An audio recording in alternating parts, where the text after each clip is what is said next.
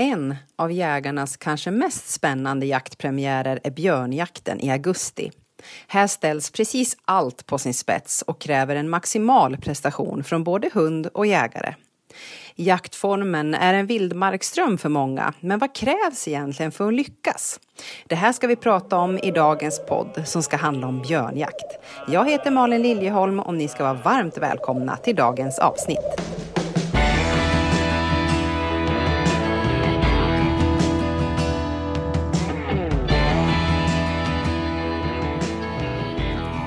Hallå, hallå och varmt välkomna till Svenska Jägarförbundets podd På jakt.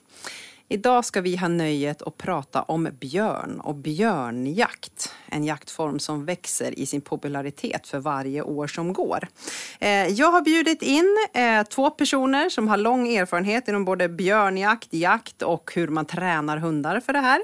Eh, jag ska välkomna Tony Kristoffersson du kommer uppifrån Norrbotten, Piteå. Du är kollega till mig och jobbar bland annat med invasiva arter och som yrkesjägare, eller hur? Jajamän, det stämmer. Varmt välkommen. Tackar. Tackar. Och så har vi Stefan Schön. Du jobbar och driver eh, tillsammans med en annan kille eh, Almunge hundcenter, visst stämmer det? Det stämmer väldigt bra. Jajamän. Där jobbar ni väldigt mycket med hundar på olika sätt, eller hur? Och tränar? Vi tränar hundar på de flesta djurarter man får träna på. Ett av dem är ju björn. Jajamän, jag har ju fått nöjet att komma och hälsa på er och mata era två fantastiska björnar med vindruvor. Det var ju en, eh, tre björnar till och med. Du ser, jag, jag såg bara två just då. Kanske var lika bra det. Men det var en fantastisk upplevelse ändå. Ja men vad bra hörni, jag tänkte att lyssnarna ska få bekanta sig med er lite mer så de vet vilka ni är och vad ni har för erfarenhet tidigare och framförallt då kanske björn och, och, och björnjakt. Så jag tänker ni får ta en liten kort presentation av er själva här så länge och berätta lika, vilka ni är och, och hur ni jagar och hundar och så vidare. Ska vi börja med dig Tony? Ja, Tony Kristoffersson heter jag då. Mm, bor mellan Piteå och Luleå, en by som heter Sjursmark. Fick upp björnjakten, fick upp för björnjakten någon gång där vi 07, 08 och sen dess har det som tuffat på lite grann mm. varje år. Du berättade för mig att mm. du först hade en hund som du hade tänkt jaga älg med, men ja. som inte riktigt ville jaga älg utan han ville jaga björn. Ja, hon. Hon till och med? Ja, jo, nej. och på den vägen var det jag fick upp ett litet lyse om björnjakten och på den vägen har det blivit då att jag har utökat hundstallet. Kan du berätta lite om vad du har för hundar idag? Ja, den hunden är ju då död. Eh, men jag har, idag har jag en grå hund. En blandning mellan jämthund Laika, en Hamiltonstövare och en foxterrier. Det var en härlig blandning. Mm. Ja. Jajamän. är det, är det två eller tre av dem du jagar björn med eller hur ser det ut? Ja, det är gråhunden. Han, han är ju på sin sina åldersdagar. Han är ju, han blir 14 då, eller är 14 då. Så, men han är pigg och fräsch än så mm. man kanske kan använda den då i höst här. Och ja, jag tänker kanske eventuellt då man kan banda upp någon eller något. Mm.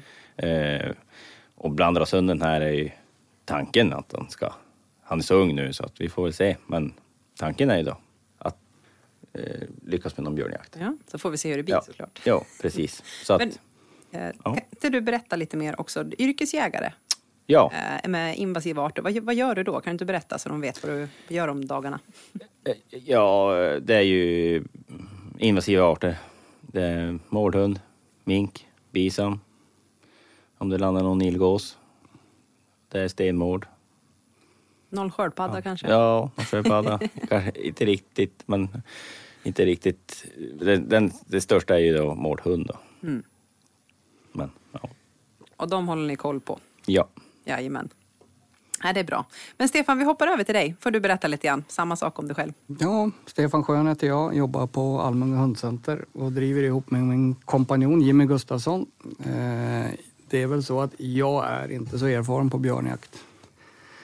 Har jagat björn eller varit med sedan 2018 men har fastnat för det och får ju se hemskt mycket hundar som provar på eh, anlag på, på björnträning. Då. Och det är rätt fascinerande jobb att se hur hundarna och framförallt hur bara under de tre åren jag har gjort det, hur hundarna faktiskt har utvecklats rätt mycket. Ja, det är jättespännande. Vi har en hel eh, punkt här med just hundar som vi ska verkligen eh, grotta ner oss på lite senare tänkte jag. Men kan du inte börja med att berätta om vad du har för hundar? Jag har en, eller jag har inte en, men jag har en gråhund som min son äger hemma hos mig som, eh, som gillar det där. Och sen har jag tre vaktlar, varav en är pensionär och en liten tax. En härlig blandning. Så det blir ganska eh, mycket olika sorts jakter då kanske? Ja, jag är verkligen allätare. Ja, men ändå så, så har björnjakten eh, ökat ditt intresse här på senaste åren? eller? Väldigt skulle jag vilja påstå. Det är Ja. fascinerande och rätt i vissa sammanhang väldigt lugn jakt. Då. Mm. Eh, avstressande. Precis. Ja, men vad bra. Vi har ju två gäster här med väldigt mycket olika erfarenheter. Så jag tänkte att vi ska slå våra kloka huvuden ihop och besvara på lite olika frågor. Bland annat som våra medlemmar har, skickat in, men också lyssnare som är lite intresserade av att veta allt egentligen från start. Hur, hur går det till och sen till slutet och sen gärna era liksom, personliga erfarenheter. Så prata fritt från hjärtat. Så det ska bli jättekul att, att snacka om det här idag. Men ska vi börja lite från början eh, med förberedelserna? Jag tycker vi går in där för att eh, björnen, eh, det är ju licensjakt. Man ut. Va, vad innebär det? Kan ni berätta vad det är? Ja, man får ju en tilldelning som eh, Länsstyrelsen kommer med och ja, för den kommun man lever i och bor i. Från det, då börjar det då, som det alltid har varit hittills, 21 augusti. Och ja, Det är väl till 15 oktober egentligen, men det brukar Ja. väl ta, fort, eller ta slut ganska mycket snabbare, Nedre eller hur? ordningsgräns eh, 15 oktober. Ja. Ja, första oktober är ovan ordningsgräns. Okej. Men det brukar gå snabbare än så, eller hur? Ja, Ja, precis. betydligt. Och ehm, hur vi fastställer hur många björnar vi har i Sverige idag. Vi gör ju spillningsinventeringar var femte år som vi skickar in till Natur, Naturhistoriska riksmuseet som kollar upp DNA på de här. Och det är väl det som ligger som underlag. Och här har ju jägarna liksom en superviktig roll och har gjort en jätteinsats på de här insamlingarna för att få in de här proverna. För visst är det det tillsammans med obsen under älgjakten som lägger till, ligger till grund liksom för, för hur många individer vi har. Jo.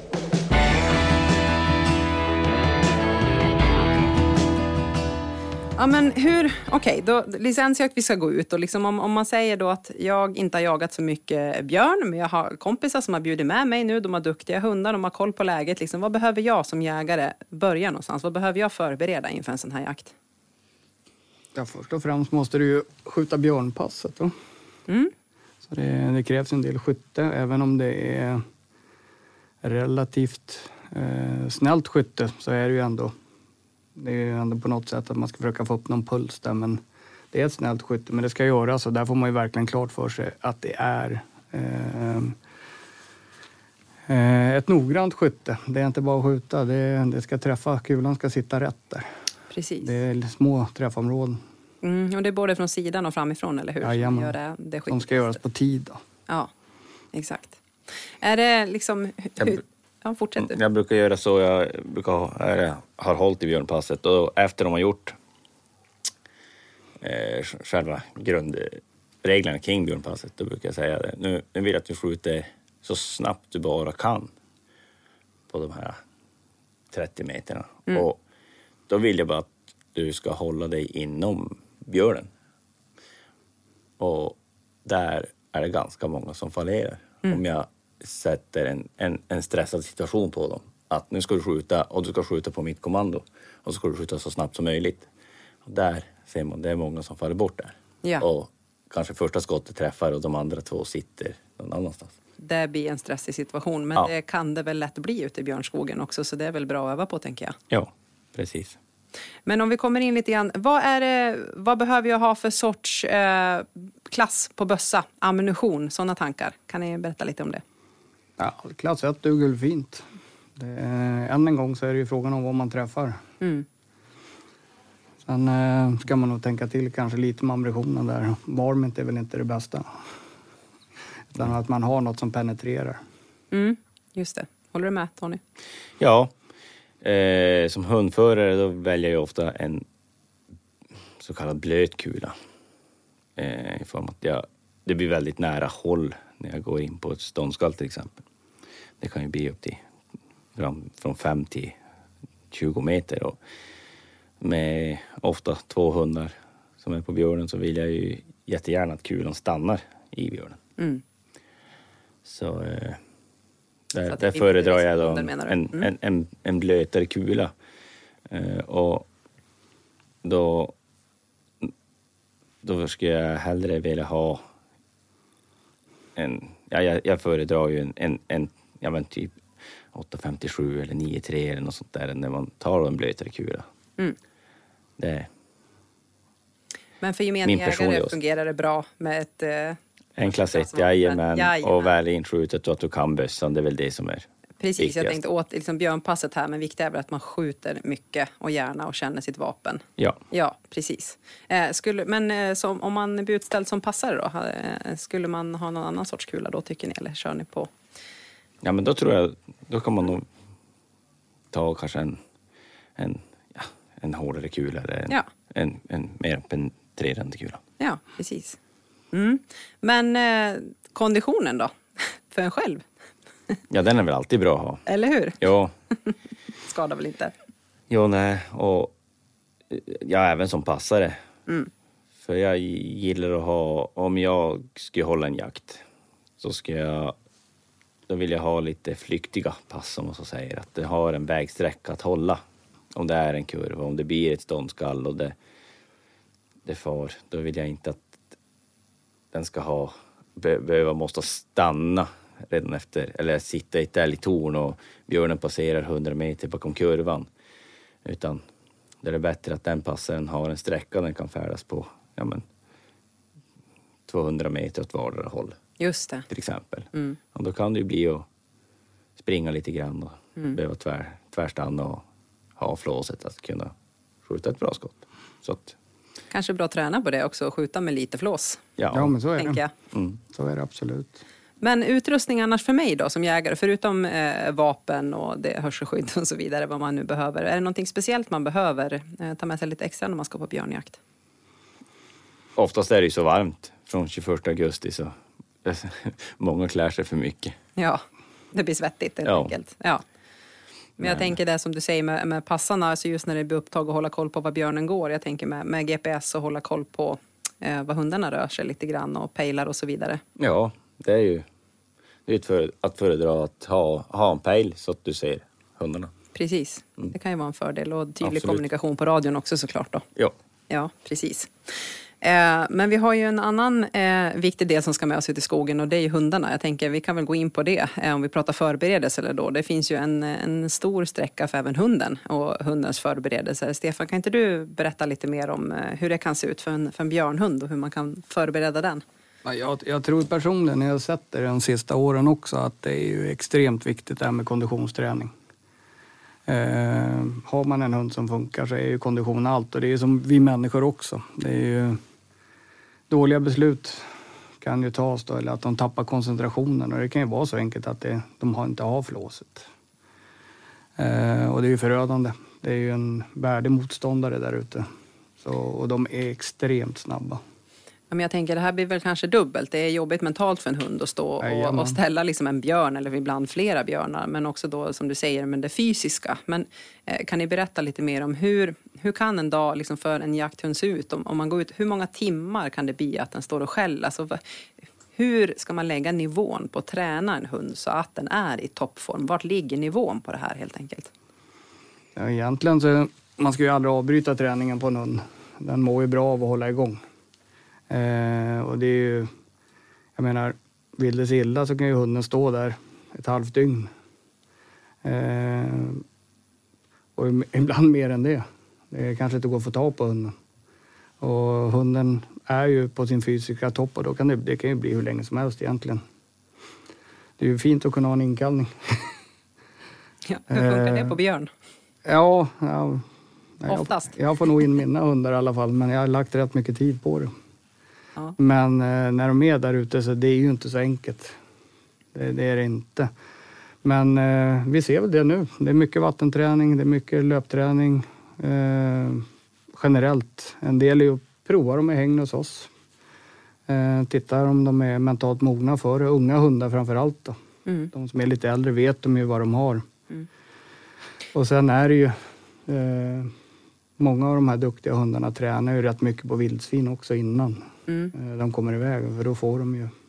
Men jag tänker Stefan, kan inte du eh, berätta lite mer om Almunge hundcenter? Jägarförbundet har ett samarbete med er också. Man kan få rabatt om man går dit och släpper eh, och så vidare. Men berätta lite mer. Vad, vad kan man få hjälp eh, hos er liksom, när jag kommer med mina hundar? Vad ser du och vad kan man få hjälp med? Ja, det vi tittar på egentligen det är ju hundens reaktion eh, när den kommer upp till björnen. Eh, och i många fall så är det ju en skräckblandad förtjusning kan jag säga. Eh, ibland är det ren skräck då, att de ska därifrån. För det är ju det är något helt annat. Björn är något helt annat. Folk tror inte det. Och när de väl kommer upp då så är det största problemet brukar vara att de inte vågar skälla. Nej. Eh, De kommer upp, är nyfikna, väljer att inte titta på björnen och så skäller man inte. Då. Nej. Och det är ju en form av rädsla, en reaktion. Även om det inte är en reaktion så är det ju en reaktion. En del eh, hundar är ju rätt enkla att hjälpa igång. Och det gör man genom att sätta ett krav och det är, vi jobbar med inkallning. Då berömmer vi inkallningarna och då blir oftast hunden väldigt glad. Och så går den tillbaka, höjer sig lite och så sätter de igång och börjar skälla. Då. Testet som är utformat där ihop med Jägarförbundet där medlemmarna har rabatt, eh, det är ju bara 10 minuter. Men 10 minuter är mycket på något som står still. Jag brukar säga det, det är enkelt att springa efter Mike Tyson men när han vänder sig om och det är dags att börja bråka, det är då det är jobbigt. Ja, det var bra När de står och tittar han i ögonen liksom. Precis. Men är det på, ni sa att ni har tre björnar. Jajamän. Ja, berätta lite grann, vil- vilka är de här björnarna och hur, hur, har ni en eller två eller tre när de här proven görs? Alltså hur ser det ut på plats lite grann? När vi gör prov så är det tre inne. Mm. Eh, och då, då är det ofta att de vandrar eh, uppe och det blir att hunden kan komma nära, nära dem. Då. Eh, och vi ger dem ju lite bindruvor, vilket de är- tycker är bland det godaste som finns. Och det lägger vi rätt nära staketet så att björnen är väldigt nära staketet. Och som björn och hund går på lite för tufft, då säger de ifrån. Och många hundar, de, de klarar 7-8 minuter men sen vänder de hem till ägaren och där blir han kvar. Ja, och Eller då han eller hon. efter det, då är de trötta mentalt Ja. helt enkelt. Det tar hårt på dem då. Medan för vissa hundar så är det helt naturligt att det där, det där kör vi. Ja. Har däremot svårt att få in dem, vilket är väldigt ovanligt. Det väldigt, brukar vara väldigt lätt att kalla in dem där uppe efter bara 10-15 minuter. Ser du någon skillnad liksom, under åren nu, liksom hur det har utvecklats? Vad är det för hundar som kommer? Alltså i vilket skede är de och hur, hur liksom ser det ut? Det är oftast hundar som är där runt året första gången. Då. Eh, och det är egentligen alla typer av raser. Blandraser, mycket stövare, mycket spetsar. Och tidigare var det även mycket folk som bara ville se hur deras hund reagerar och det kunde ju vara en pudel. Eller vad som. Vad sa pudeln? Ja, den tyckte inte det var så intressant. Eh, Men då är det folk som är uppe i norröver och plockar svamp och sådär, så vill de se hur deras hund reagerar. Medan eh, i år då, så tror jag vi egentligen bara har haft folk där som ska jaga björn eller har tänkt jaga björn. Och vi har ju sett en extrem utveckling på vissa hundraser de sista, för, förra året men framförallt i år. En stor förändring är på stövarrasen. De, de har ju tidigare bara kunnat stå där uppe och skälla någon 30 sekunder. Men nu står de och jobbar mer eller mindre lika bra som vilken spetshund som helst. Ja. Men de, de har lärt sig ett knep då. Jag tror att de har börjat prestationsavla mycket mot björnjakten. Då. Ja, okej. Det Så är många det, som är väldigt dedikerade. mm, just det. Eh, Tony, ska vi gå över lite grann till dig? Berätta hur du förbereder dina hundar och hur du jobbar liksom, med den här delen inför björnjakten. Ja, det är ju väldigt mycket konditionsträning. Hur ser den ut? Ge ett exempel. Väldigt mycket eh, simning. Eh, mm, under sommaren när det är varmt. Och sen får man ju använda nätterna med att ja, men, cykelträna dem Mm. så gott det går. Och, ja, förr medan det var att man fick släppa hundarna på grävling första augusti så var det ett ypperligt tillfälle att värma upp dem. Liksom. Ja, precis. Men eh, tyvärr är det borta så att man får, man får försöka så mycket som möjligt. Ja, och fylla ut helt enkelt. Ja. Ja. Jobbar du något speciellt med foder under den här eller inför eller ändrar du under jakten eller kör du på på lika? Eh, jag brukar gå över faktiskt till mera fettfoder. Ja, någon gång i mitten av augusti, om man ska säga. kring eh, in, inför 21 då. Mm. Och mm, ja, annars så, nej, jag brukar inte tänka så mycket på fodret annars i övrigt. Eller sommaren.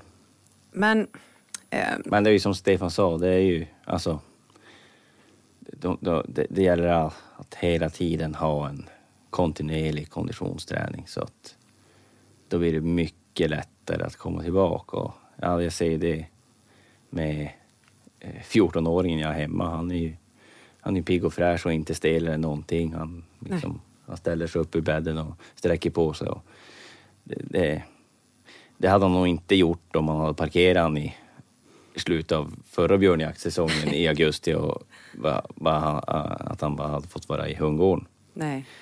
Så, eh, Ja, den är ju väldigt kort säsongen. Då hade det ju ja, inte blivit så bra som sagt. så att eh, jag tror att det... Och framför allt att aldrig få dem överviktig. Nej, precis. Eh, Stefan, en liten följdfråga där. Du som ser många av de här hundarna som går de här proven och testar och ser på björn och så vidare. Liksom, vilka egenskaper tycker du du ser som du tänker så här, men det här, det här ser bra ut. Det här ska ni jobba vidare med. Så vad, vad är det man, vad, vad vill man se hos en sån här hund? Ja, man vill ju egentligen se en hund som tar sig direkt upp. Då. Ibland har man ju lite otur så vinden ligger fel så de får inte slag på den på en gång. Men nu är hängnet byggt på att i den vindriktningen som vi mest har. Eh, en hund som känner doften, går upp, eh, blir nyfiken helt enkelt och rent spontant sätter skalle på en gång. Eh, och sen förföljer. För björnarna rör sig där uppe då, under tiden. Men nu ska jag säga det att i år när det har varit... Eh, jag har lärt känna björnarna bättre. Så när jag ser att det är mycket unghundar så då, då tar jag inte ens in tre björnar för det, det, är ett, det är ett stort motstånd för en unghund att komma upp till. Utan ibland har jag bara en inne och ibland har jag två inne. Mm. Bara för att det ska underlätta då för hunden att snabbare komma till skall. För så fort de börjar skalla då, då börjar de mer eller mindre utbilda sig själva. Mm. Det, Eh, Tony, vad är din erfarenhet i det här då när du tar fram dina hundar och ska släppa? Och så här, vilken, vilken avgör du som ska få ja, men släppa och köra på? och Du ska gå vidare med björn helt enkelt. Vad letar du efter för egenskaper? Ja, men det är lite grann där som Stefan sa där att man som ung hund att de går upp och man ser det är ju ypperligt tillfälle att se om de är rädd eller inte rädd. Och eh, ja, som vi pratade tidigare där att det, de bara för att de står och skäller i hägnet har ju det är ju inte en björnhund uppe i, upp i skogen. Det är ju inte en fullfjädrad jakthund, björnhund efter det. Men däremot så har du ju en väldigt fin inriktning på om den törs eller inte. Om de inte törs, ja, då är det inte så mycket att bygga på tror jag. Eh, så det är, ju en, det är ju en början, helt klart. Och sen, sen är det ju det att du måste vara på allt. Varenda björnvittring den kan få från i unghundsstadium. Eftersom att det är liksom en, säga, lite av en extremsport inom jaktbranschen. Att alltså, eh, som ung hund, du är med, Ja. du är med på björnjakt och det blir skjutet björn. Eller det blir skjutet i grannlagen. Ta kontakt med grannlagen och åk dit och presentera unghunden för en dövbjörn. Och innan det att fråga dem om de kan ta hundarna därifrån och folket därifrån så att det blir en lugn och trygg stämning när du går fram till den här björnen som kanske till och med ligger kvar i skogen. Att du kanske kan få pejlen från deras och gå in på, på eh, spåret och banda fram till dövbjörnen och så vidare.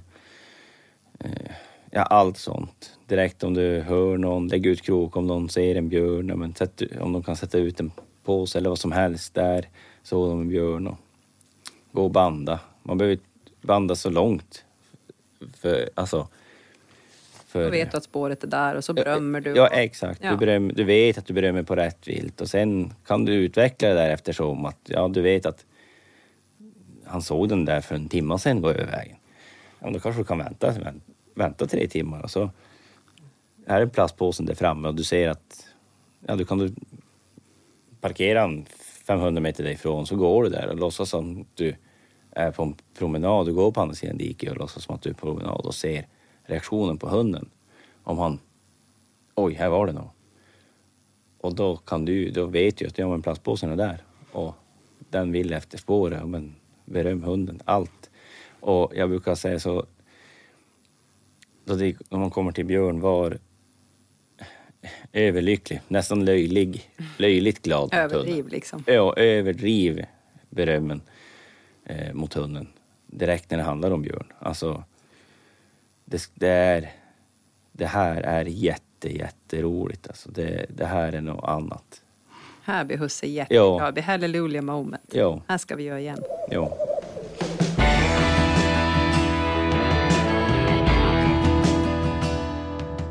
Jag tänker så här, när det, när det väl blir släpp sen då jakten börjar, om du har en liten yngre hund som ska ja, jagas in, släpper man den själv då eller släpper den tillsammans med en erfaren hund? Alltså hur brukar du Ja, det göra? är ju jättefint om man har en erfaren hund att släppa ihop med. Men då ska det ju vara en... Det har jag ju lärt mig med åren. Det är ju väldigt svårt att jaga med en erfaren stövare och släppa en spets på det. Det är ju som två olika världar att släppa ihop dem med. Det blir liksom lite jojo-effekt där.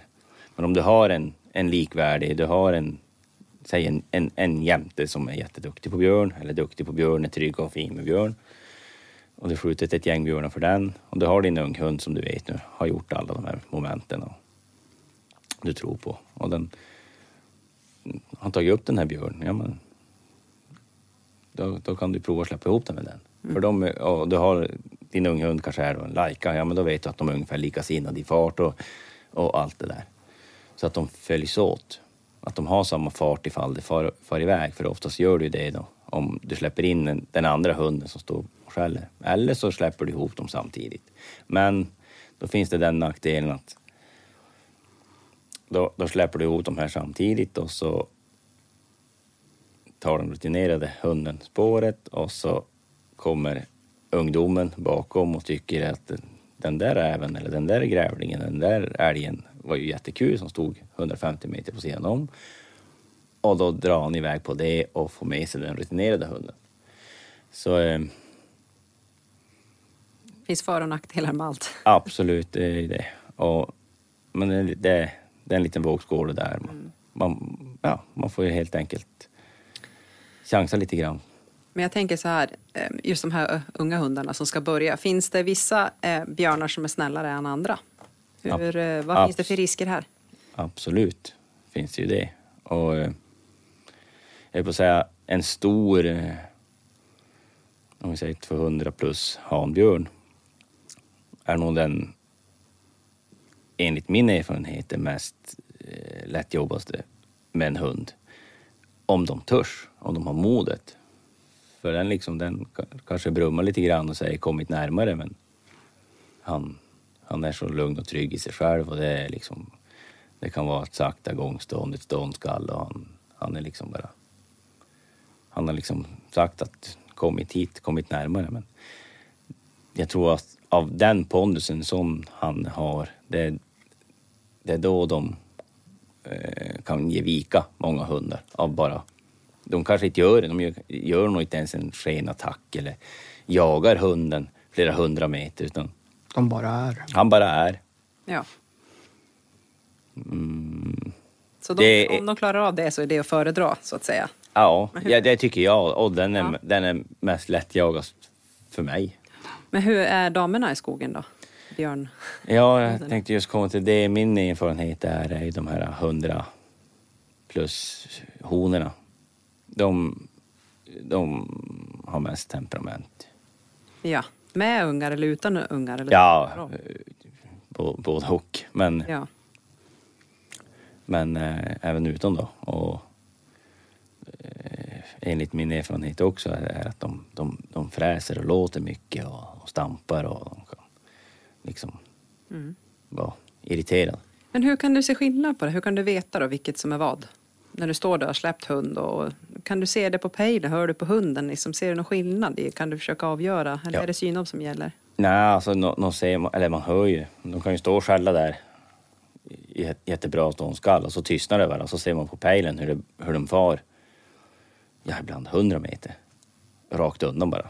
Och så sen kommer de, kommer de tillbaka på nästan samma ställe och så, blir, och så kommer skallen igång igen. och en del hundar tycker ju att det där är nästan lite roligt. Att de tri, tri, triggas av det där, Ja, så att säga. och då Men- vet du att det är en hona med andra ord. Ja, vet och vet, men... Nej men, du gissar. O- Jag gissar. ofta, o- o- ofta har det varit så. Ja, oftast. Sen får ju huvud, hunden tömmer ju ofta huvudet också när den får ett utfall på sig och får springa lite så då blir den ju faktiskt ganska fräsch igen om den inte viker ner sig. Just det, blir lite som en omstart då, Ja. liksom. Mm. Jo, exakt. Ja, precis. Och min, eh, ja, tiken jag hade som idag är död, hon, hon älskar ju det där. Det är nästan som att jag tror att hon försökte frambringa det där många gånger. Att hon tyckte att det var tråkigt om björnen bara la sig där och låg och tittade medan Snammars, gråhunden, han kunde liksom han kan liksom, när björnen, om björnen satt sig på ståndskalle, ja då satte han sig också. Så satt de där och tittade på varandra. Mm. Medan denna, den tiken hon kunde hon kunde som nästan vilja frambringa att de vart arg på honom. Mm. Men om, om hunden har tagit upp och den står och skäller, eh, hur, hur avgör ni när ni ska smyga er på? Liksom? Är det direkt eh, in eller väntar ni? Eller vad är det som avgör liksom, hur en ansmygning på en björn ser ut? Ja, för min del är ju det att jag är... När, när det blir ståndskall, då, då låter jag det gärna. Bara ståndskall, det är ju... Ta det bara lugnt och gå in, men... Det där är ju också lite grann på situation. Om det är en ung hund, ja, det bästa vore ju om det var ståndskall i tio minuter och small. Alltså, För då vill jag ju verkligen få Befästa. Ja, Mm. precis. Och, men som en rutinerad hund och som gråhunden är, eller har varit, han, han är ju väldigt lugn och trygg med björnarna. Och ofta ståndskallig och upptaget och det, ja, som jag sa tidigare, det att de, björnen kan ju liksom bara sitta där och titta på honom och han sitter där och tittar på honom. Och det och skäller och, och om det har tagit... Jag vet ju att han står ju där i fyra timmar om det är som måste och, och skäller. Så... Ja. Då, då, om han är ensam där då tar jag det väldigt lugnt och bara går in och bara tänker på vind och inte alls. Mm. Men det finns ju vissa situationer där man måste, om det är väldigt tätt, eh, då är det ju väldigt svårt med den modellen att gö- göra på den typen, att smyga in och vara försiktig in. Då skulle jag jättegärna vilja ha en hund som är mera gapar med liksom. Precis. Hur, hur lätt störd är björnen här i en sån situation? Liksom? Ja, det är det att han ofta vet ju att någonting är i närheten om du står på 15-20 meter. Mm. Det, så är det ju. Men om du står liksom har bestämt dig nu att du har en väg in, det är ett väldigt tätt, säg contortahygge, slyhygge, du har inte sikt. Men du vet att du får sikt om bara du kommer fram 10 meter till eller 5 meter till. Då tar jag bara beslutet att när jag hör det här som mest då, då tar jag beslutet och tar några Bestämda steg. bestämda steg in och, och då, då gäller det ju vara eh, varenda... Då, då gäller det ju ha kontroll på grejerna liksom. Du, du, har två, du vet att du har en björn där, du har två hundar och det är tätt och du ska hinna tala de besluten innan du tar skottet. Ja. När du kommer in i så tätt. Jag tänker här också säkerhetstänket kring hunden eller hundarna. För man får ju ha max två hundar, eller hur? Ja. På. Eh, och liksom, hur tänker ni här då? Om det är två hundar som skäller och det är tätt. Liksom, hur ofta lyckas man få till det egentligen? Alltså, hur, hur Ja, men det är ju faktiskt ganska ofta eftersom att du står så pass nära så att jag höll på att säga det är nästan mera farligt när, när det kommer upp på en väg och du har två hundar, det kommer ett sakta gångstånd upp på en väg och du kommer mot en passkytt som kanske inte riktigt är van. Och de, där är det två hundar och du står på 100 meter ifrån. Och de här två hundarna börjar cirkulera runt hunden och springa kors och tvärs runt hunden. Men när du står där på 10-15 meter på ett ståndskall då, då, då, då det, jag känner att då har jag som bättre koll. För jag vet, jag har kunnat, jag har siktat på björn på mellan 50 och 100 meter när, när jag kommit sakta gångstånd upp på vägen och det enda man tänker på det är ju att ja, jag ser ju han ligger där på vägen men då när han kommer på vägen då har du två hundar som springer runt den. Och när, var än du siktar, och, då har du alltid en hund antingen framför eller bakomför eller någonstans. Så det är nästan, tycker jag, lättare på ett, ett ståndskall när du kommer in. Nej. Det är väl lite så som på all jakt. Man är orolig att passkytten ska få tunnelseende. Ja, Så de glömmer hundarna liksom. Och det är ju, skulle ju vara en katastrof. Ja. Och återigen, träning kanske där också då. Eller gå med en, med en erfaren jägare och ha med sig det framför allt. Som kanske kan berätta för dig till och med när... och, och väldigt viktigt att som erfaren jägare att man har sagt till passarna som kanske inte har varit med att nu, nu är det ju många jägare som kanske inte ens har sett en björn som är med på björnjakten. Och så de, de tror ju att det är en älg som kommer upp på vägen. Liksom. Förklara att en björn som väger 120 kilo, den är knappt större än en, en jämthundshanne. Liksom. Nej. Och 120 kilo som sagt, det är ju typ snittvikten på en björn. Så det Nej. kan ju vara betydligt mindre, eller hur? Ja, precis. Ja, ja. Och eh, att det inte är så mycket att skjuta på. Nej. Kan inte vara så stor skillnad kanske på en stor, stor jämte som kommer ut och så en, en, en björn på 50 kilo. Nej. Så kan det ju vara.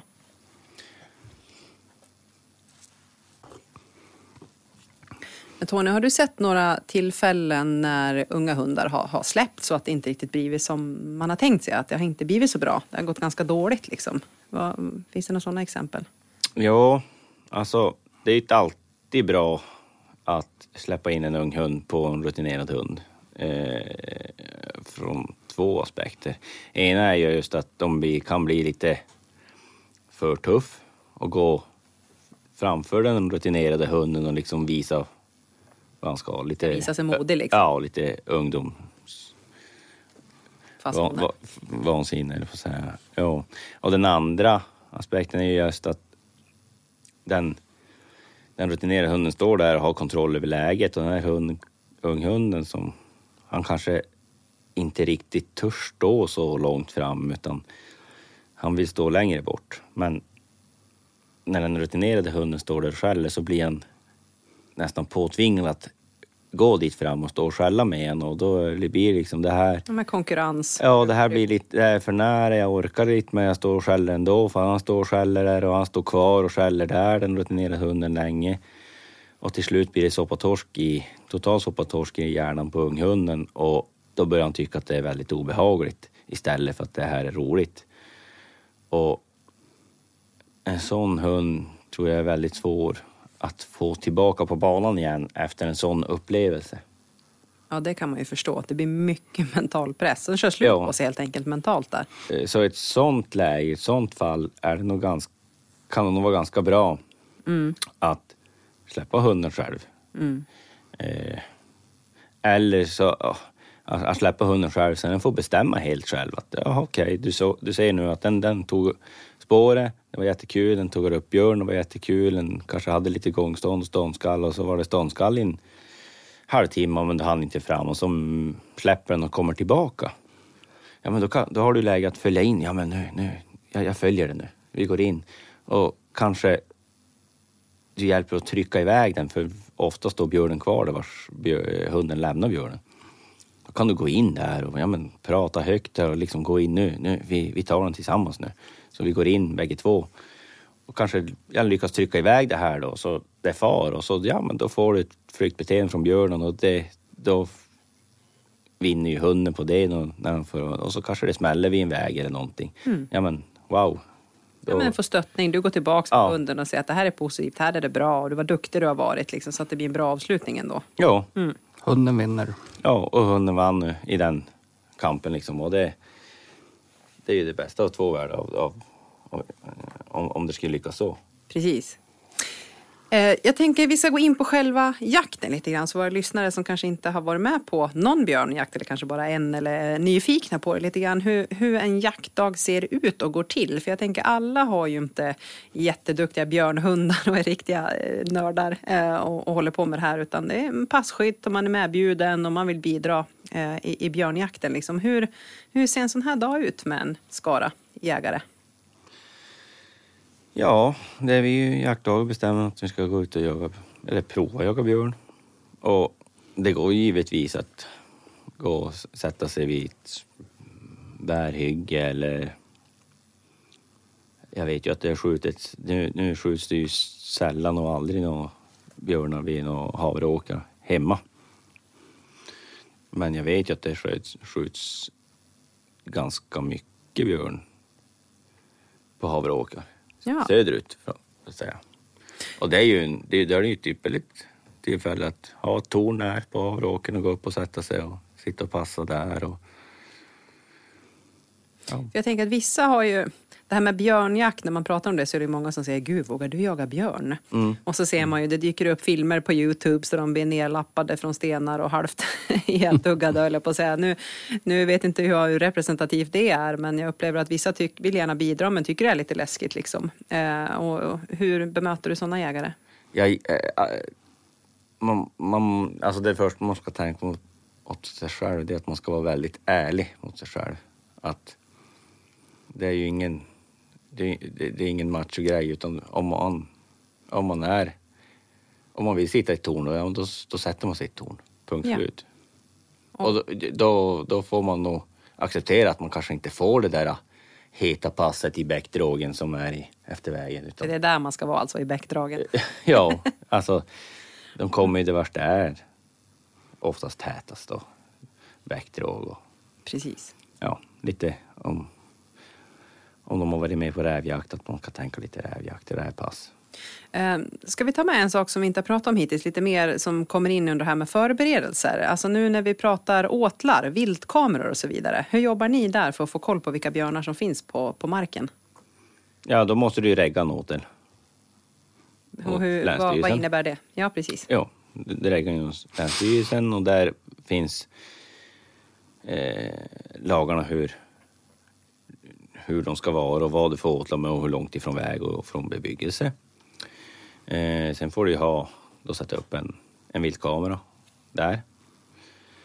Och det är ju ett magiskt sätt att se vad du har för individer framför allt. Om du då har en hona med ungar där som börjar gå på det stället, ja men då är det ingen idé att lägga någon tid där. Nej. Dels för att det, du får utjaga dem Eh, och sen, sen vill man inte jaga dem med hundarna heller. Nej, för att de kan vara rätt elaka som sagt. Ja, Ja, och det blir inget avslut heller. Nej. Avslut. Nej. det är bara negativt så det är bara att dem vara. Precis, och då får Ja. du ju bra koll på stammen och bra förutsättningar för Ja. jakten. Och nu, nu, nytt för i år om du har registrerat den här åteln är att också du får släppa från åtel, eller hur? Ja, Eh, och det hjälper ju till en bra förutsättning. Och, eh, Det måste ju bara vara positivt då att man Mm. Bara har eh, positivt. kameror och verkligen får koll på vad det är man, man ska jaga. Både Jajamän. skytt och hundar och, och alla inblandade, tänk- tänker jag. jajamän. Det är ju...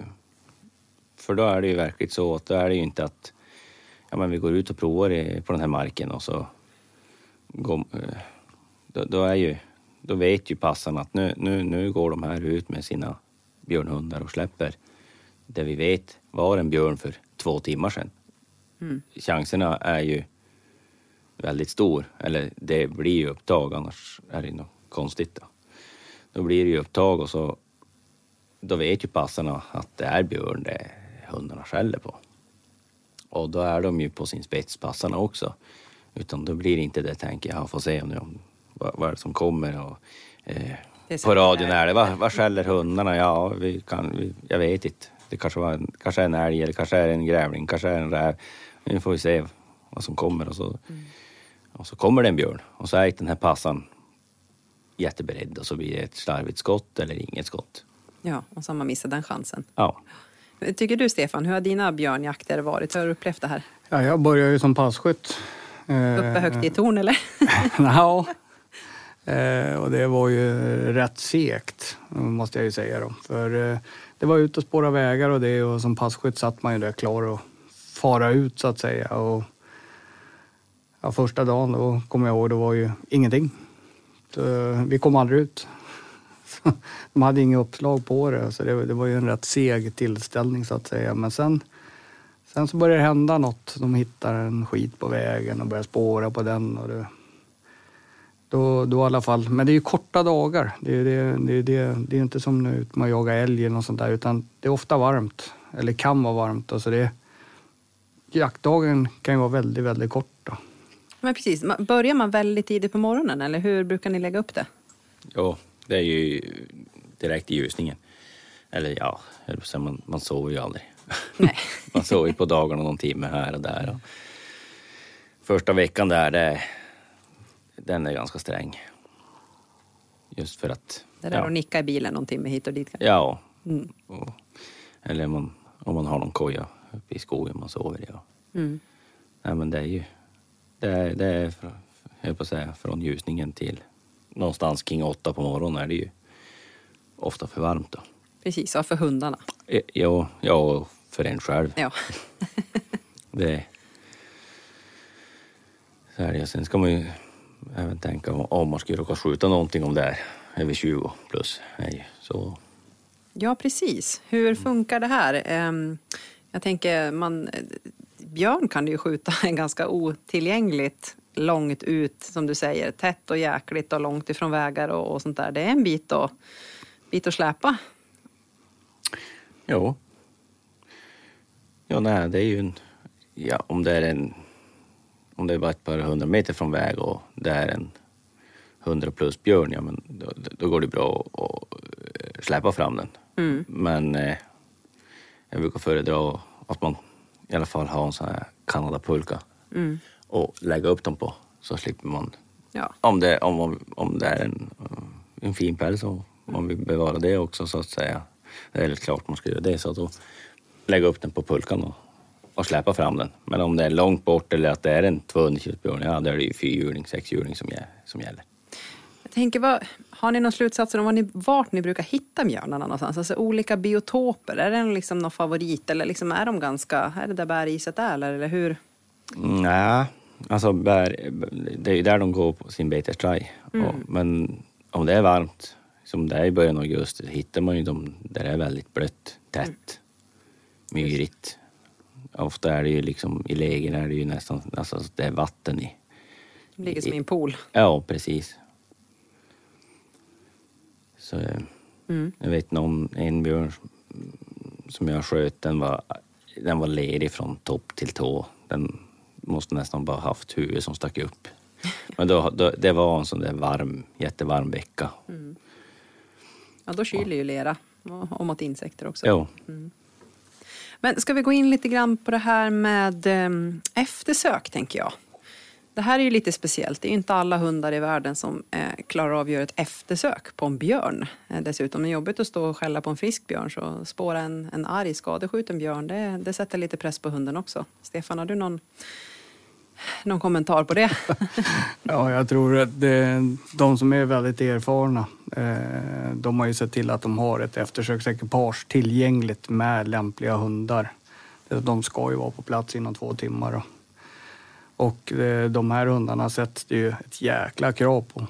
Eh, och det, man ser ju lite filmer och sånt på Youtube där de har visat vilket helvete, rent helvete de har och vilka krav och hur duktiga hundar det finns i det här landet. Eh, så jag blev jämt imponerad över dem. Och det, jag tror att ja, det är ett jäkla mentalt mod i de där hundarna. Som, och även i, i husse eller matte, ja, absolut, absolut. Jag fick en story här i hängnet om en kille som råkade riktigt illa ut som var och tränade hund. Och att han överhuvudtaget jagar björn, det är ju fascinerande. Att de vågar fortsätta. Ja. Ja. Vad är din erfarenhet, Tony? Du har väl gjort lite eftersök, kan jag tänka mig. Jo, eh, det beror ju på hur, skadan är, men jag, jag försöker alltid gå upp och eh, lägga vind på den eller liksom kolla läget på det sättet, hur skadad den är. Att jag kanske bryter någon kvist. Om det är, oftast är det också då vä- väldigt tätt. Och då går jag gärna och lägger vind in på ståndskallet och har givetvis sett till innan det att om den nu lämnar det här området då, då dör den.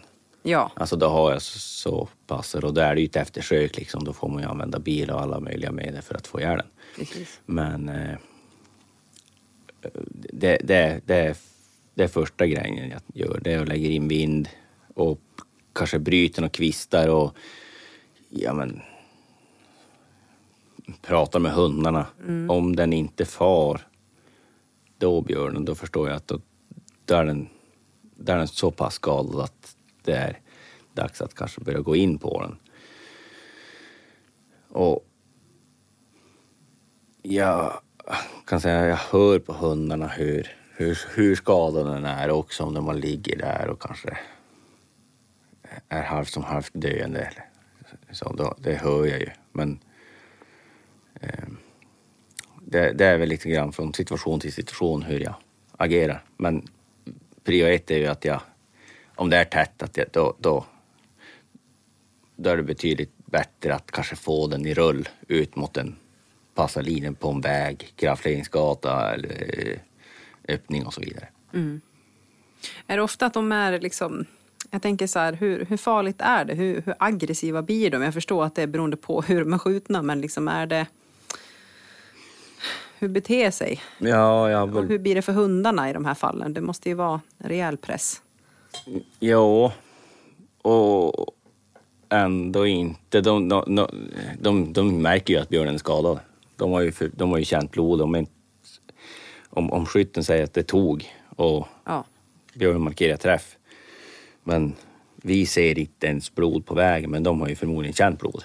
Och de känner ju björnens adrenalin och allting. Ja. Så att man hör ju att det är som att de går upp i stämman lite grann. De tänder till lite ja. grann och förstår att nu... Och då... då eh, men... Eh, jag har väl egentligen inte så mycket erfarenhet just där av attackerande björnar men det är en situation där en björn verkligen och det är, det är helt och hållet mitt fel. Då var jag nonchalant och bara trampa in och vart väl stressad själv över situationen, över passaren som sa att oj, oj, oj, nu har vi en skadeskjuten björn här på skogen, vad ska vi göra? Och så bla, bla, bla. Alltså, mm. jag, och jag vart bara stressad själv. Att, ja, det var ju bara, det, får ju bara 500 meter, säg 600 meter och, och, och så vart det ståndskall där. Och jag stressade ju bara in och tänkte, ja men jag går, jag går upp och avslutar det här nu bara snabbt. Och stövlade bara in där och, och de stod och skällde mot en stor sten och jag började se ha, halva björnen. Men jag såg inte riktigt vad det var på björnen och hundarna stod som på var sida så jag kom som perfekt. Men jag tänkte, jag, jag, jag stod ju på ja, men kanske 20 meter, 25 meter och ja, men jag visslar så jag får upp huvudet på björnen så skjuter jag in huvudet bara. Och det jag gjorde och det vart ju inte bra. Det tog ju inte riktigt rätt vart jag ville. Så den, den tvekade inte en sekund, den kom ju. Och den, den, den det kändes då som att jag hade den över men jag hade inte det. Men så, så nära var den i alla fall. Oj. Och jag hade, innan jag fick den då så, innan han låg där, så minns jag jaktledaren eh, i laget där jag var ringde ju direkt och frågade hur gick det, hur är det? Ja, sen gick det bra. var det nog. Då var det som, jag bara, ja, så kom de upp och, ja, men och i min värld hade det bara smullit tre skott. Ja. Men jag hade, hade inte. Jag hade skjutit sex skott. Oj! Ja, så att det, jaha, ja, då började det som liksom klarna upp och ja, men flodde björnen där, allting var frid och fröjd. Och, och, men då när man satt på bilen hem, när man var på väg hem, då kom det över hur nära det var. Att jag hade verkligen fått den över mig. Så eh, det är väl egentligen den erfarenheten. Ja, jag har haft någon sån där, någon, någon sån skenattacker, att de har sett mig och tagit något steg åt mig och brutit, mm. men in, inte så där att jag kan säga att eh, jag har något jättemycket erfarenhet kring skjuta björnar framför pipan för att de attackerar. Men vad tog du med dig från den situationen? Jag tänker så på erfarenhetskontot. Liksom. Vad, vad tänkte att du på? Att aldrig nonchalera. Nej. Och ta det lugnt. Aldrig bli stressad. Precis. Mm. Oavsett. Det. Jag menar, det var ju en skadad björn och den satt ju där. De hade väl förmodligen stått än idag och skällt på den. Mm. Men Precis. Eh, du berättade också att ni hade haft eh, situationer, det behöver inte alltid vara en björn, det kan ju vara flera björnar och då inte hona med ungar utan det kan ju vara flera björnar mm. som är. Och då gäller det att hålla sig cool också, eller hur? Jo. Och det, då, där ser man ju verkligen också eh, hundarnas erfarenhet. Där kan du ha en hur rutinerad hund som helst. Och om det säger att det är två björnar eller tre björnar som håller ihop, som är 150 kilos klassen. De kanske, de, det är som att de låtsas att här finns det ingenting. Och ändå vet jag att det skjutit 20-30-tal björnar för den hunden här. Den är jätteduktig. Men den tar upp en räv, den tar upp en hare, älg. Och alltså det de aldrig annars gör. Men Nej. då visar de verkligen tydligt att det här det blir för mycket. Ja. Det kan man ju förstå. Ja. Ehm, Men om allting går som det ska då, vilket eh, vi hoppas på här under hösten såklart. Men vad, vad behövs det göras? Det är ju mycket, alltså vad, vad ska rapporteras? Vem ringer man? Och hur, det här är ju en licensjakt. Det är ju, så berätta, vad behöver man göra när man har fällt en björn? Ja, du utser ju en jaktledare för dagen. Eh, och när du har skjutit, när björnen ligger där så då ringer du in och rapporterar björnen då till ett speciellt nummer för det länet. Och säger att du har skjutit en björn och då frågar de vars och klockslag och eh, ja, när. Och då säger de att det kommer ringa en besiktningsman. Då ringer de ut en besiktningsman och så ringer besiktningsmannen eller kvinnan till skytten eller till jaktledare för dagen och bestämmer plats vart de kan komma och besikta björnen. Och det tas ju alla möjliga prover. Det är DNA. Görs den här besiktningen på plats i skogen eller måste man åka någonstans med björnen? Eh, jag vet när jag var och jagade i Gävleborgs län, då hade de besiktningsstationer. Eh, på, och det var ju väldigt smidigt, men det är ju för att det, det, det rasar ju betydligt mycket mer björn 21 i de länen än hemma. Så att oftast hemma i Norrbotten, där är det att du... Ja, om den ligger nära skogen, eh, det, det får du ofta om de vill se. Ah, du, du får ju eh, information där och då av besiktningsman om de vill se den i, liggandes i skogen så, eller om du får ta ur den från skogen. Om du får ta ur den från skogen så är det ofta så att du ska sätta, då får ta ur björnen. Alltså eh, ta ur magsäcken och det i skogen men sätta det i en sopsäck. Och ja, men, släppa fram björnen till en närmsta väg till exempel eller till ett slakteri eller någonting. Eh, och där tas de här proverna då. Och vad får man som skytt behålla av den här björnen? Ja, allt. Ja, Alltså kranium, ja, kött och, och skinn då. just det. Eh, och det blir ju chipmärkt. Ja. kan vara lite vanskligt med köttet där 21 augusti om det är 25 grader varmt och man ska hinna besikta och släpa och lite grann och sånt där va? Ja, det, Man får se till att det det, går det, fort. det, det, ja, det måste gå väldigt fort. Alltså, och med de här nya reglerna att du måste komma med skinnet på till slakteriet gör ju att du måste vara ännu snabbare när du inte får flådan. Mm. För det är som sagt, de har ju väldigt mycket fett, tjock päls och innan allting är klart med besiktningen och allting, då kanske klockan är mitt på dagen, klockan 12 och det är som varmast, 25 grader varmt ute. Och det... Jag vet flera björnar som har blev varmsur och vart förstörd i köttet på grund av det. Mycket mat som går förlorat. Ja, massor. Ja, jag tänkte precis följdfrågan. Tar ni, tar ni vara på köttet? Äter ni björn och vad, vad gör ni med det? Ja, smaka björn, men kanske inte min favorit att ha i boxen, men det, det är bara min egna åsikt, privata åsikt. Ja, Serverade sa- björn. Sa, samma här. Ja. Jag åt en gryta som en finska hade gjort. Den var, den var faktiskt god. Ja. Ja. Annars var det lite trådigt. Ja. Ja. Ja. jag serverade björn på mitt bröllop och det var väldigt uppskattat av alla. Så jag hade väl tur med kocken. Men det är ju det är också liksom en...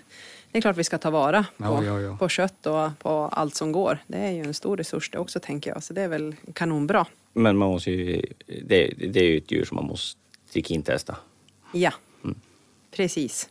Och det är väl en del av proverna som görs ska jag tänka mig efter, efter skottet här också. Ja. Ja, precis. Ja, då tas ju DNA och, eh, och så mäts de. Det är längd och eh, tassarnas bredd och huvudets omkrets och längd. Och, Ganska omfattande ändå. Då. Ja, om det är en hanne så är det, en, det är de mest testiklarna och om det är en hona så tas livmodern och så där. Mm, just det. Ja, hörni, nu har vi pratat gott och länge om björn, björnjakt, hundar och allt som hörde till. Jag tror våra lyssnare har fått en ganska bra eh, liksom, känning för vad som förväntas om man ska ge sig ut i skogen och få, få glädjen att vara med och, och jaga björn. Men hur, eh, hur ser det ut framöver här nu då? Hur, vad har ni förväntningar på kommande björnjakt, Tony? Ja, nej men då... Det är bara att ut och köra liksom. Nej men man... man får vara ut i skogen och Mm. försöka Försöka hitta någon björn. Ja, Och hundarna är i form. hundarna är i form. Jajamän, kompisarna taggade att hänga på. Jo då, och kompisarnas hundar är också i form så att någon ska det bli. Mm. Är det ett stort område ni jagar på eller liksom är det som en hemmamark? Hur funkar, funkar det där? Ja, jag har ju en ja, hemmamark som jag jagar på och sen har jag ju lite andra marker då som eh, dels min egen vars jag jagar älg på. Eh, och sen har vi som slagit ihop grannmarkerna runt där. Och där jag kanske ja, håller i björnjakten kan man väl säga. Eller försöker att dra ihop till någon björnjakt. Mm. Och samordna lite. Ja, Ja. och så har jag en, en till mark där jag jagar i flera, flera, flera år eh, björn. Och de har ju alltid haft gott om björn. Höll på att säga, vi har som skjutit en och två varje år där. Mm. Eh, För jag tänker att björnarna, hur, när det blir igång, så hur stora områden kan de röra sig på? Jag tänker liksom, hur stor behöver en mark vara? Finns det något generellt man kan säga där? Att det lätt går ur marken och sen är det slut? Eller liksom, just det här med samverkan måste ju vara väldigt positivt. absolut är det positivt. Men hur stor marken är, det, det kan vara från 300 hektar till 300 000 hektar. Jag det, tänker lite grann hur stor den behöver vara. Liksom, jag tänker hur mycket björnen rör sig. Ofta står den ofta still eller kan den sticka iväg rejält, flera mil? Eller liksom, finns det något generellt du, av erfarenheten där du kan säga? Nej, rent generellt vill jag nog påstå att om du har duktiga hundar är det ett ganska lättjagat vilt. Alltså det... det, det jag, jag, jag säga, om du har en duktig eller en hund som vill jaga björn så är det ofta att det blir mera hundskall eller ståndskall och gångstånd än, än om du har en halvdan älghund. Alltså, det blir... Det, givetvis beror det på individen på björn också.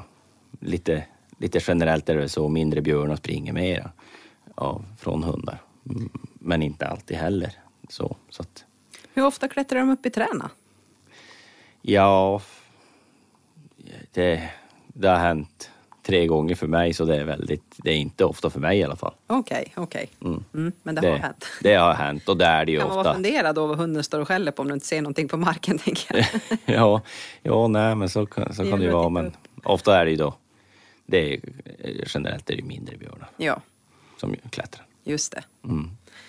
Stefan, hur känns det inför kommande Ja, men det känns, björnsäsong? det känns jättebra och för en annan då som är inte så erfaren då så, så känns det som att det är ett, ytterligare typ ett tillfälle att fylla ryggsäcken med erfarenhet och sen givetvis hoppas att, att hunden gör det den ska göra och hittar något. Eh, så jag ser verkligen fram emot det. Jag hör att jag borde åka upp till Tån här så jag får lära mig lite mer. Precis. Eh, Tony, gör det ofta så att du tar, eller oftast, men tar du med dig eh, eh jägare som gärna vill följa med ut och, och lära sig mer? Liksom? Får man chansen att göra det?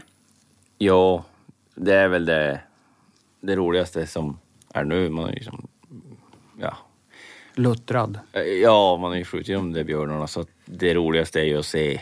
Egentligen handlar det ju om allt vilt, det första viltet att få vara med och, och, och guida fram så att säga till, till och en björn är ju speciellt så att se, se lyckan i en första gångsskytt och få gå in på ett ståndskall och dela den glädjen med den människan, det är ju, det, det slår ju nog det mesta. Ja. Jag tror det är ganska många som drömmer om just den drömmen. Eh, och lite apropå det så ska jag faktiskt ringa upp här om en liten stund eh, Lisa Johansson Sadio som är eh, aktiv inom JAQT, det är Svenska Jägarförbundets kvinnliga nätverk i Dalarna. För de har ju med hjälp av Sveaskog anordnat de här i augusti en björnjakt bara för tjejer. Och den här blev så himla populär och fullbokad direkt så jag tänkte jag ska ringa upp och snacka med henne. Jag tänker många av de tjejerna har nog den här drömmen om att få, få den här erfarenheten och vara med. Eller bara vara med och lära sig och ha sin första björnjakt tänkte jag. Så jag ska ringa upp henne här om en stund och, och prata lite mer om det. Men så länge Stefan och Tony, tusen tack för att ni tog er hit och delade med er av era erfarenheter. Det var jättetrevligt att ha er här. Ja. Så mycket själv. Så tack får jag mycket. säga skitjakt på er här i höst. Ja, tack så mycket. Tackar.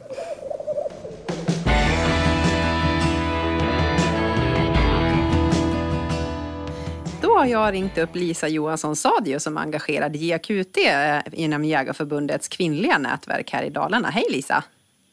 Hej hej! Hej! Berätta lite grann. Du är med och anordnar en björnjakt här under hösten. Eh, stämmer det?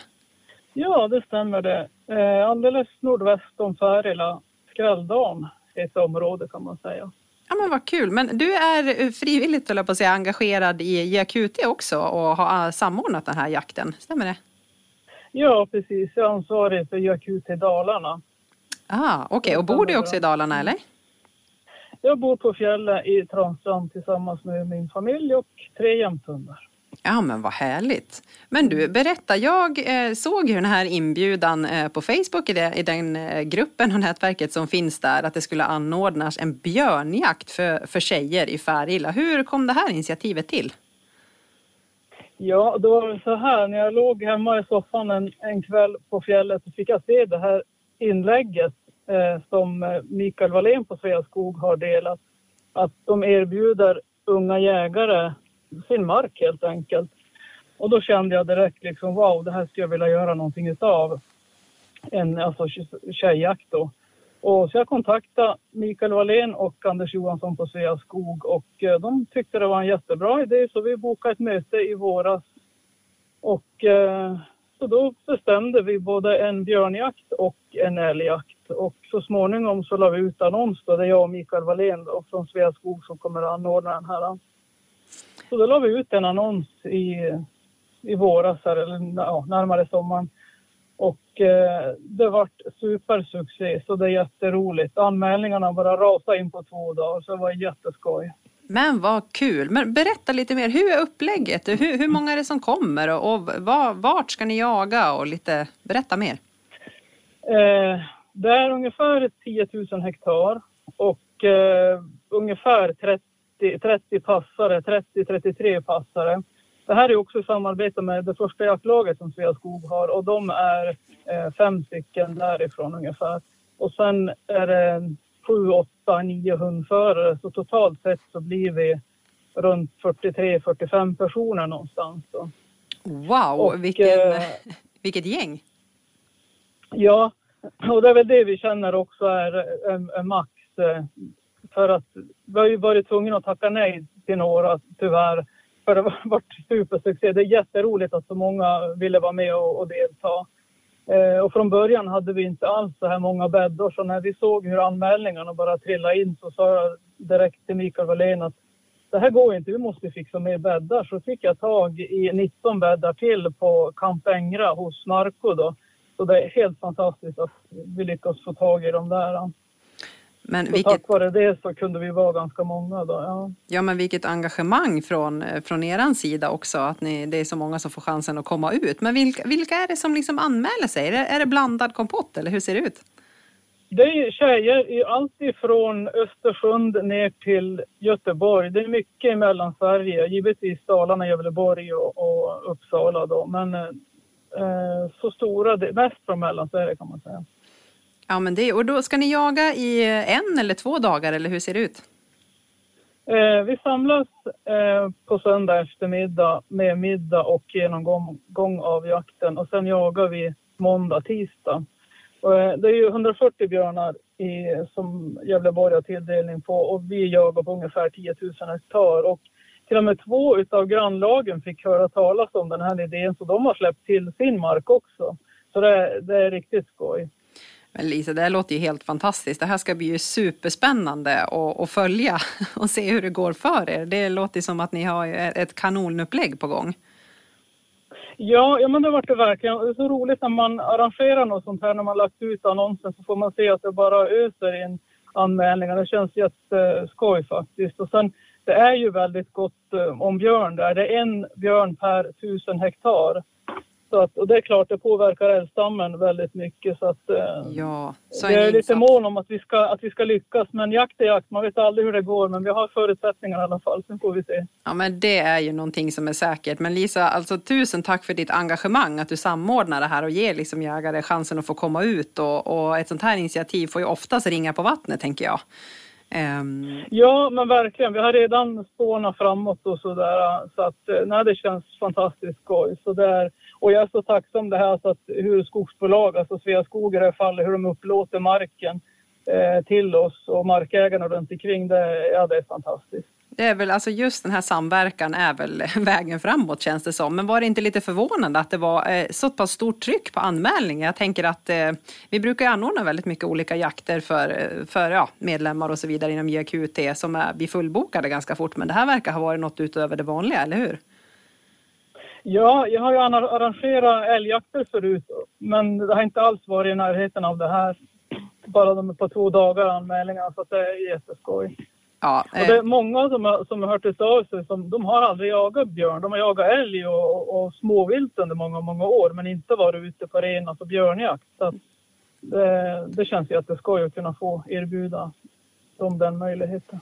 ja, Lisa, det här ska vi följa upp och vi kommer såklart skriva om det här på, på våra medier och på Facebook och, och på Jägarförbundets webb så vi får se hur det gick för er. Det kommer ju vara jättespännande att följa.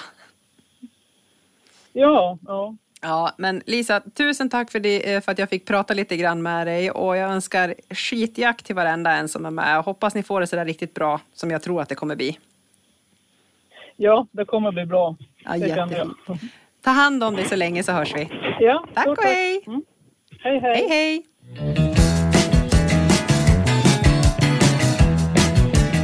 Jägarkollen. Snabbfakta om dagens ämne avfyrad på 30 sekunder. Visste du att den största björnen som någonsin skjutits i Sverige vägde 343 kilo, medan medelvikten för skjutna vuxna ligger på ungefär 120 kilo. Och en björnunge är inte större än ett marsvin när den föds. Då väger den ungefär 250 till 600 gram. Och under vintern i idet går björnens hjärtfrekvens ner från runt 40 slag per minut till bara 6 slag. Och 1930 då fanns det bara 130 björnar kvar i Sverige. Men idag räknar forskarna med att den björnstammen ligger ungefär på 2900 individer som är utspridda från Värmland i syd till Norrbotten i norr.